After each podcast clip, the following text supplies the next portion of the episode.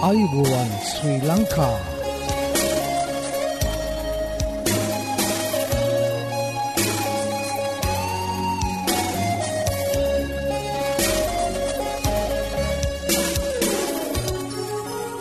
ඔබට සුපදස මේ ඇඩවෙන්ටිස් වර්ල් රේඩියෝ බලාපොරොත්වය හඬයි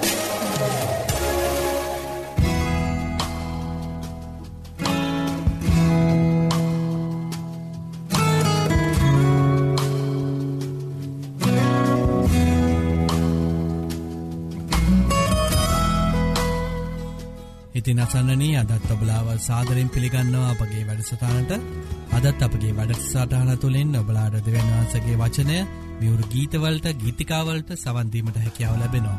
ඉතිං මතක් කරන්න කැවති මෙම වැඩසටානගෙනෙන්නේ ශ්‍රී ලංකා 7ඩ ඇඩවෙන්ටිස් කිතුුණු සභාව විසින් බව ඔබලාඩ මතක් කරන්න කැමති. ඉතින් රැඳී සිටින්න අප සමඟ මේ බලාපොරොත්තුවය හඬයි. අතදිනේ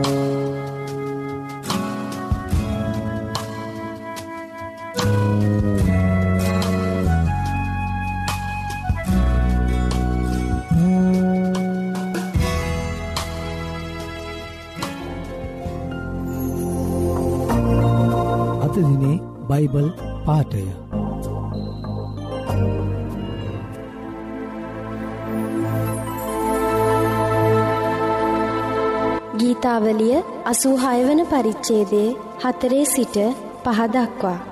ස්වාමිනි ඔබ දෙසට මාගේ ආත්මය ඔසවන බැවින් ඔබගේ මෙහෙකරුවාගේ ආත්මය ප්‍රීතිමත් කළ මැනව. මක්නිසාද ස්වාමිනී ඔබ යහපත්ය කමා වෙන්නට සූදානම් සේක. ඔබට යාඥා කරන සියල්ලන්ට ඔබ බොහෝ කරුණාවන්තය. ආයුබෝවන් මේ ඇඩවෙන්ටිස් වර්ල් රේඩියෝ බලාපොරොත්වය හඬයි යෙසායා පනස්සකි දොළහා නුඹලා සනසන්නේ මමය. ඔබට මේ සැනසම ගැන දැනගානට අවශ්‍යද? එසේනම් අපගේ සේවය තුළින් නොමිලේ පිදෙන බයිබල් පාඩම් මාලාවට අදම ඇතුල් වන්න. මෙන්න අපගේ ලිපිනය ඇඩවෙන්ටිස් වල රේඩියෝ බලාපොරොත්තුවේ හඬ තැපැල් පෙටිය නමසේ පා කොළඹ තුන්න. දෙව්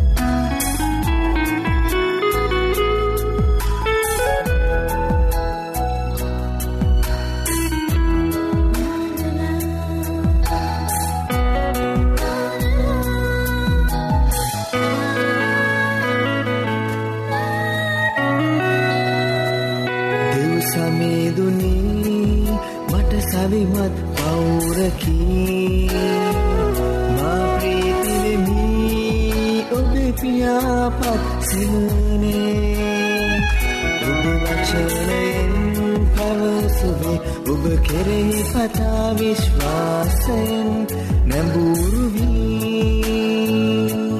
මාගේ මනස ඔබ කෙරෙහි වාදවමී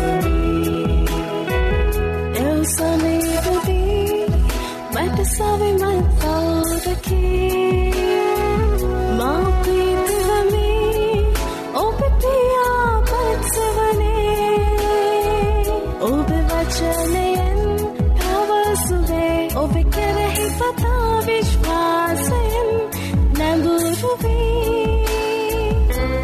මාගේ මනස ඔබ කෙරෙහි මාතවමී දෙව් සමේදුනී මව් කුසවා ඉසුරුවේ ඔබ මාර්ගයන් ඔබ මාහට පෙන්වූයේ ඔබ වචනයෙන් ස්ථීර වී ඔබේ ආත්මයෙන්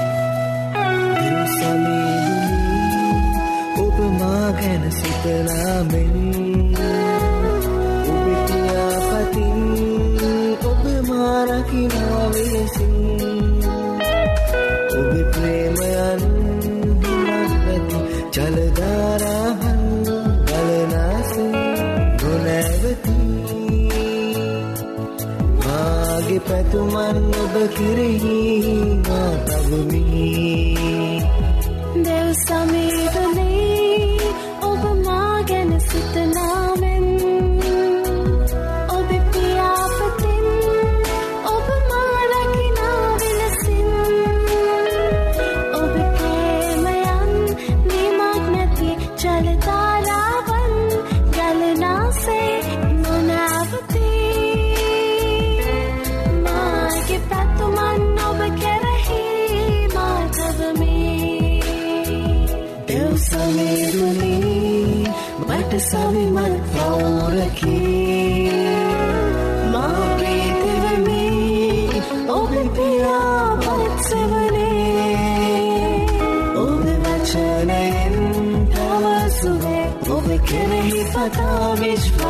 විශ්වාසයෙන් නැමුරුවී මාගේ මනස ඔබ කෙරෙහි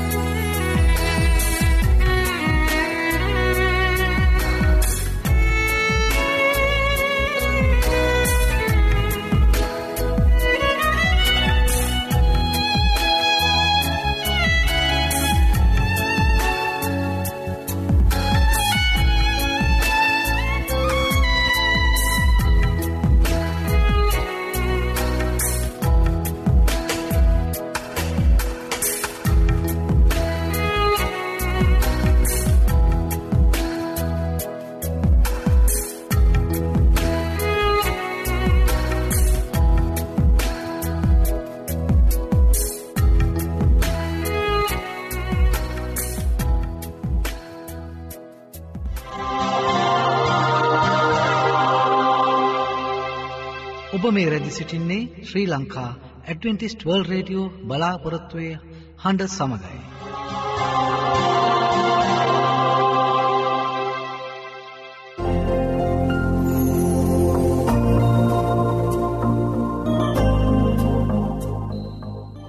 ඉතින් හිතවත හිතවතිය දැන් ඔබට ආරාධනා කරනවා අපහා එකතු වෙන්න කියලා අද දවසේ ධර්ම දේශනාවට සවන් දෙන්න අද ඔබට ධර්ම දේශනාව ගෙනෙන්නේ හැරල් ෆිනෑන්ඩු දේවක දිතුමා විසින් ඉතින් එකතු වෙන්න මේ බලාපොරොත්තුවය හඬට.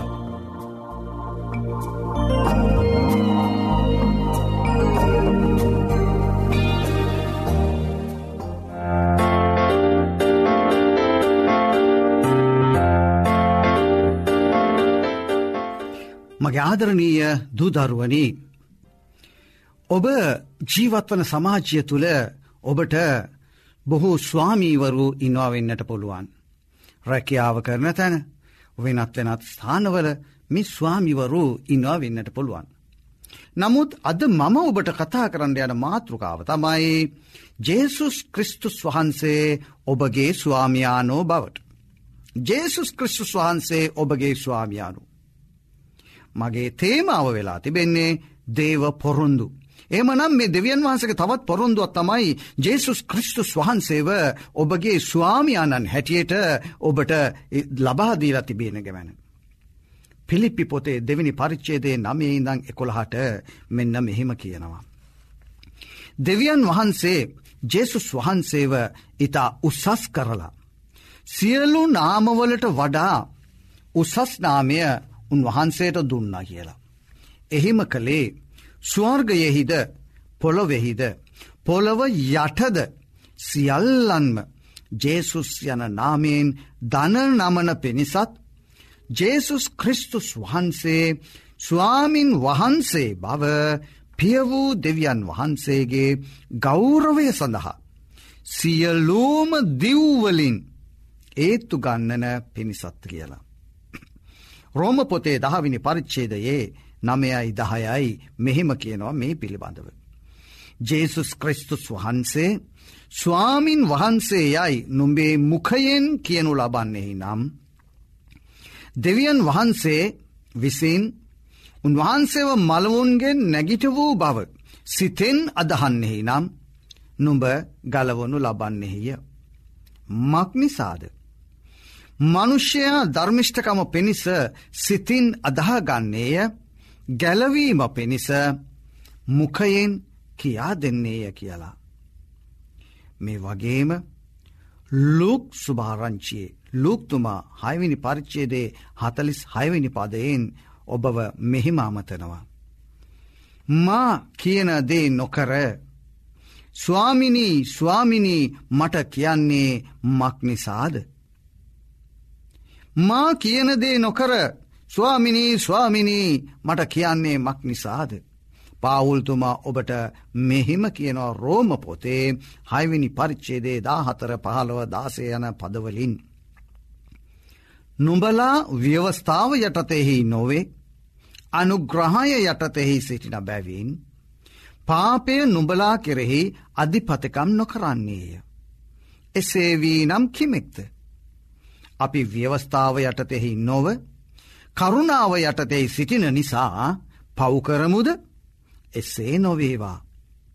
නුඹලා කීකරුකම පිණිස දාසයන්කොට යමකට නුඹලාවම භාර දෙන්නහුද එය මරණයට පමුණුවන්නා වූ පාපය වේවා ධර්මිෂ්ඨකමට පමුණුවන්නා වූ කීකරුකම වේවා නොඹලා කීකරුවන එකට දාසයන් වන බව නොදනිවුද. ඒ වගේම එතුමා රෝම යැවුම් පත්‍රයේ දොළොස්වනි පරිච්චයදයේ පළමිනි පදය දෙවිනි පදයෙන් ඔබට මෙහෙම කියනවා.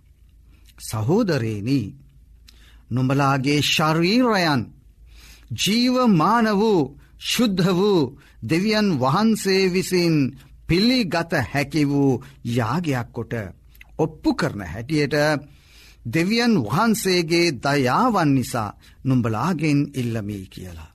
බලන්න. උන්වහන්සේ ඉල්ලනවා ඔබගේ ශරීරය පවා ජියවමාන දෙවියන් වහන්සේට පිරිසුදු යාගයක් කියලා. එසේනම් ඔබගේ ශරීරයත් ඔබගේ සිත වගේම ශරීරයත් උන්වහන්සේට අවශ්‍ය වෙලවා. එක කොරන්ති පොතේ හයිවෙනි පරිච්චේදේ දහනමය විස්ස ඔබට මෙහෙම කියනවා. නුඹලාගේ ශරීරය දෙවියන් වහන්සේගෙන් ලැබූ නුම්ඹලා තුළ ඇත්තා වූ ශුද්ධාත්මයණන් වහන්සේගේ මාලිගාව බව නොදනිවුද. නුඹලා නුඹලාටම අයිති නැත මක් නිසාද නුඹලා මිල්ලේට ගනු ලැබුවහොය එබැවින්. නුඹලාගේ ශරීරයෙන් දෙවියන් වහන්සේට ගෞරව කරපල්ලායි කියලා. ඔබගේ ශරීරයෙන් පවා දෙවියන් වහන්සේට ගෞරව කළ යුතුයි. ඇයි ස්වාමින් වූ ජේසුස් වහන්සේ ඔබගේ ස්වාමියාණන් වන නිසා. ක්‍රියාපොතේ දෙවිනි පරිච්චේදේ තිස් හයවෙනි පදයන් මෙන්න මෙහෙම කියනවා. නුඹලා විසින් කුර්සියෙහි ඇනගස්වා වූ මෙම ජේසුස් ක්‍රිස්තුස් වහන්සේ. දෙවියන් වහන්සේ විසින් ස්වාමින් වහන්සේද ක්‍රිස්තුස් වහන්සේද කරනු ලැබූ බව ඊස්ත්‍රායෙල්ගේ මුළු වන්සය නිසැකව දැනගනීවයි කීවේය. රෝමදා හතරේ අට එ වගේම මෙහෙමත් කියනවා. ජීවත් වෙමු නම් ස්වාමීන් වහන්සේ උදෙසා ජීවත් වෙමුව. නසිමු නම් ස්වාමින් වහන්සේ උදෙසා නසෙමුව. ඒ නිසා ජීවත් වනත් මැරුණත් අපි ස්වාමින් වහන්සේගේය හොඳට මතක තබාගන්න. රෝම දාහතරේ අට කට පාඩමින් තබාගන්න. ජීවත් වෙමුනම් ස්වාමින් වහන්සේ උදෙසා ජීවත්වෙමුව නසිමුනම් ස්වාමින් වහන්සේ උදෙසා නසෙමුව ඒ නිසා ජීවත් වනත් මැරුණත් අපි ස්වාමින් වහන්සේගේ එහෙනම් ඔබ ස්වාමි වූ ජෙසුස් ක්‍රිස්තුස් වහන්සේටයි අයිති. ඔබගේ ස්වාමයානො ජෙසුස් ක්‍රිස්තුස් වහන්සේ. ඒ නිසාම ධවිත් රජතුමා මෙහෙම ලියනවා ගීතාවලිය හැට අටේ දහනමෙන්. දවස් පතා අපේ බර උසුලන්නා වූ. අපගේ ගැලවුම්කාර වූ දෙවිස්වාමින් වහන්සේට ප්‍රසංසාවේවා. ඔබ කොතරම් ඔබගේ ගැලවුම්කාර වූ දෙවිස්වාමින් වහන්සේට ප්‍රසංසා කරනවාද. උන්වහන්සේට ස්තුති කරනවාද උන්වහන්සේට නමස්කාර කරනවද කියලා පොඩ්ඩක් සිතල බලන්න.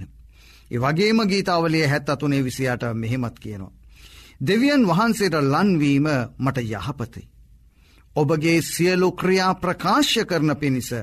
ස්වාමි වූ දෙවියන් වහන්සේ මාගේ සරණ කර ගතිමි කියලා. මොනුවටද මේ අපි ස්වාමි වූ ජේසුස් ක්‍රිස්තු වහන්සේට භාරවෙන්න යන්නේ උන්වහන්සේගේ සිය ලුබ ක්‍රියා උන්වහන්සේගේ ඒ සියලූම දේ අපි අන්න අයට කියල දෙන්නටයි. ගීතාවලිය අසුහයේ පහ ඔබට මෙහෙම කියනවා. මක් නිසාද ස්වාමිනි ඔබ යහපත්ය. කමාවන්ට සූදානම්සේක. ඔබට යාඥා කරන සියල්ලන්ට ඔබ බොහෝ කරුණාවන්තය කියලා. ඒ වගේම ඒසාය දිවස් ප්‍රසාධිවරයා ඇතුමාගේ හසුන් පතින් මෙයාකාරයෙන් ඔබට අමතනවා. ඒසාය පණහි හත. ස්වාමි වූ දෙවියන් වහන්සේ මට උපකාරවන සේක. එබැවින් වියවුල් නොවෙමි. එබැවින් මාගේ මුහුණ ගිනි ගලක්මෙන් තබාගෙන සිටිමි. මල් ලජ්ජාවට නොපැමිණෙන බව මම දනිමි. මෙන්න මෙහෙම තමයි යෙසායා කියන්නේ. මාක් අපොස්තුළුතුමා මක් සුභාරංචයේ දොළහේ තිස්වනි පරිච්චේදයෙන් ඔබට මෙහෙම කියනවා. නුඹේ මුළු හර්දයෙන්ද නුඹේ මුළු ආත්මයෙන්ද. නුඹේ මුළු බුද්ධිහෙන්ද නුඹේ මුළු ශක්තියෙන්ද නුඹේ දෙවි වූ ස්වාමින් වහන්සේට ප්‍රේම කරන්න කියලා. නුඹේ දෙවි වූ ස්වාමින් වහන්සේට ප්‍රේම කරන්න කියලා. එමනන් ජෙසුස් ක්‍රිස්තුස් වහන්සේ ඔබගේ ස්වාමයා නොයි. පවුලු අපොස්තුලෝරයා මෙන්න මෙහෙමත් පවසනවා ක්‍රියාපොතේ දෙකේ විසි පහින්. දවිත් උන්වහන්සේ ගැන කතහ කරමින්. ස්වාමින් වහන්සේ නිතරම මා ඉදිරියේ සිටිනවා දුටිමි. මා සොලොවනු නො ලබන පිණිස උන්වහන්සේ මාගේ දකුණු පැත්තේ සිටින සේක කියලා. මගේ ප්‍රිය දූදරුවනී. බයිබලයේ දෙවියන් වහන්සේට නොෙක් විට ස්වාමින් වහන්සේ යයි කියා කියා තිබෙනවා. අලුත්ගිවිසුමේ ජෙසුස් වහන්සේටත් ස්වාමින් වහන්සේ යයි කියලා කියලා තිබෙනවා. පැරණි ඊස්්‍රයිල් වරුන්ගේ දෙවියන් වහන්සේට විශේෂ නමක් තිබුණා නික්මයාමේ තුනේ පහළව. දෙවියන් වහන්සේ මෝසෙස්ට කතා කරලා කියනවා. ආබ්‍රහම්ගේ දෙවියන් වහන්සේද. ඊසාගේ දෙවියන් වහන්සේද. යාකෝබ්ගේ දෙවියන් වහන්සේද. නුඹලාගේ පියවරුන්ගේ දෙවි වූ ස්වාමින් වහන්සේ නුඹලා මාවිතර එවූසේකැයි ඊස්රයිල් පුත්‍රයන්ට කියාපන්න කියලා. මෙය සදාකල්හිම මාගේ නාමයය. මේ සියලු පරම්පරාවන්ම මාගේ සංඥානාමේය ඊට පස්සේ මේ නාමය ස්වාමින් වහන්සේ යන නාමය ඉතා ශුද්ධසේ ඔවුන් සැලකුවා. ඒ වෙනුවට ස්වාමින් වහන්සේ හෙවත් මාගේ ස්වාමින් වහන්සේ යන තේරුම ඇතුව ඇඩෝනායි යනුවෙන් පවසා සිටිය. හිබ්‍රෝ බයිබලයේ උන්වහන්සේට ජියෝවක් කියන නාමය සඳහන් කරලා තිබෙනවා. එහි සුවර ඇඩෝනායි වචනයේ සුවරයි. ගාත්‍රාක්ෂර දෙවියන් වහන්සේගේ නාමයට අයිති. ග්‍රීක් පිටපතේ කුරියෝස් කියල සඳහන් වෙන ස්වාමින් වහන්සේ යන වචන එතන්ට ව්‍යවාහාර වෙනවා. අලුත් ගිවිසුමේ මේ වචනය දෙවියන් වහන්සේටත් ව්‍යවාහාර වෙනවා. අන්න ඒ නිසා පිලිප්පි පොතේ ඉදම්ම අපි මේ කියව්වාව බයිබල් පදවලින් අපට පෙනී යනවා ජෙසුස් ක්‍රිස්තුස් වහන්සේ ඔබගේ ස්වාමියානෝය කියලා. අපි උන්වහන්සේව ස්වාමියාණන් බවට පිළිගනිමු අපි ආඥා කරමු. ආදරණීය ස්වර්ගය වැඩසින අපගේ ශුද්ධ වූ දෙවිපාණනී ඔබ වහන්සේගේ මේ දේව වචනයේ ජීවමාන දේව වචනය සඳහන් ආකාරයට එ ඔබවහන්සේගේ විසින් තෝරාගත්තා වූ අය විසයෙන් දීතිබෙන්න්නා වූ ඔවදන් අනුව ශුදහත්මයණන් වහන්සේ තුළදී. පෙනී යන්නේ අපගේ ස්වාමින් වහන්සේ ජේසුස් ක්‍රිස්තුස් වහන්සේ බවයි. වෙන කිසිම කෙනෙක් මේ මනුස ජාතියේ ස්වාමින් වහන්සේ නොවන බවයි. ඒ නිසා මගේ ජීවිතයේ මගේ චරිතයේ මගේ මනස්ස තුළ ඔබවහන්සේ ජීවත් වෙමින් ඔබවහන්සේ මගේ ස්වාමි ආනන් වහන්සේ බවට පත්වමින් මාව පාලනය කරන්න. මාව මෙහියවන්න ඔබවහන්සේගේ කැම්මති අයුරින් මාව සාදන්න. සමිඳුනී ඔබවහන්සේ මගේ ස්වාමින් වහන්සේ බවට පත්වන්න. මම ඉල්ලා සිටිනවා ඔබගෙන් මාගේ ස්වාමියාණන් බවට පත්වන්න කියලා. ජෙසුස් ක්‍රිස්තුස් වහන්සේගේ නාමෙන් ඉල්ලා සිටිමේ ආමේන්. ආයිබෝවන් ඔබට සුපදවසක්. මේ ඇඩවිටිස් වර්ගේඩියෝ බලාපොරත්තුවය හන්න.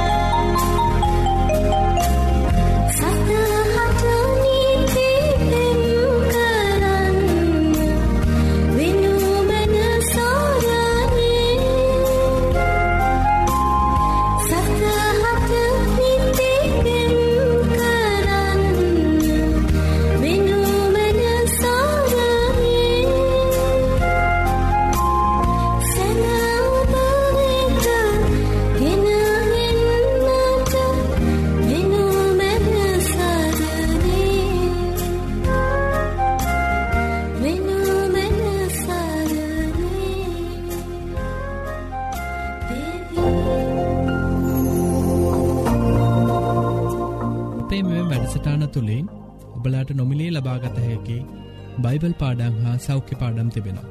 ඉතිං ඔබලා කැමතිනං ඒවට සමඟ එක්වෙන්න අපට ලියන්න. අපගේ ලිපින ඇඩවෙන්ටිස් වර්ල් රඩියෝ බලාපොරත්තුවය හඬ තැපැල් පෙට්ටිය නමසේ පහ කොළඹ තුන්න මම නැවතත් ලිපිනේම තක් කරන්න ඇඩවෙන්ටිස් වර්ල් රඩියෝ බලාපොරත්තුවය හඬ තැපැල් පෙට්ටිය නමසේ පහ කොළඹ තුන්න ඒවගේ මබලාට ඉත්තා මත් ස්තුතිවන්ත වෙනවා අපගේ මෙම වැඩසිරාණ දක්කන්නාව ප්‍රතිචාර ගැන අපට ලියන්න අපගේ මේ වැඩසටාන් සාර්ථය කර ගැනීමට බලාගේ අදහස් හා යෝජනාවට අවශ්‍ය. අදත් අපගේ වැඩසටානය නිමාව කරාලඟාව තිබෙනවා. ඉතිං පුරා අඩහෝරාව කාලයක් අප සමඟ රැඳී සිටිය ඔබට සූතිවන්ත වෙන අතර හෙටදිනියත් සුපුරෝධ පරිති සුපුරුදු වෙලාවට හමුවීමට බලාපොරොත්තුවයෙන් සමුගන්නාම ප්‍රස්ත්‍රියකනායක ඔබට දෙවියන් වහන්සේකි ආශිර්වාදය කරනාව හිමියේවා.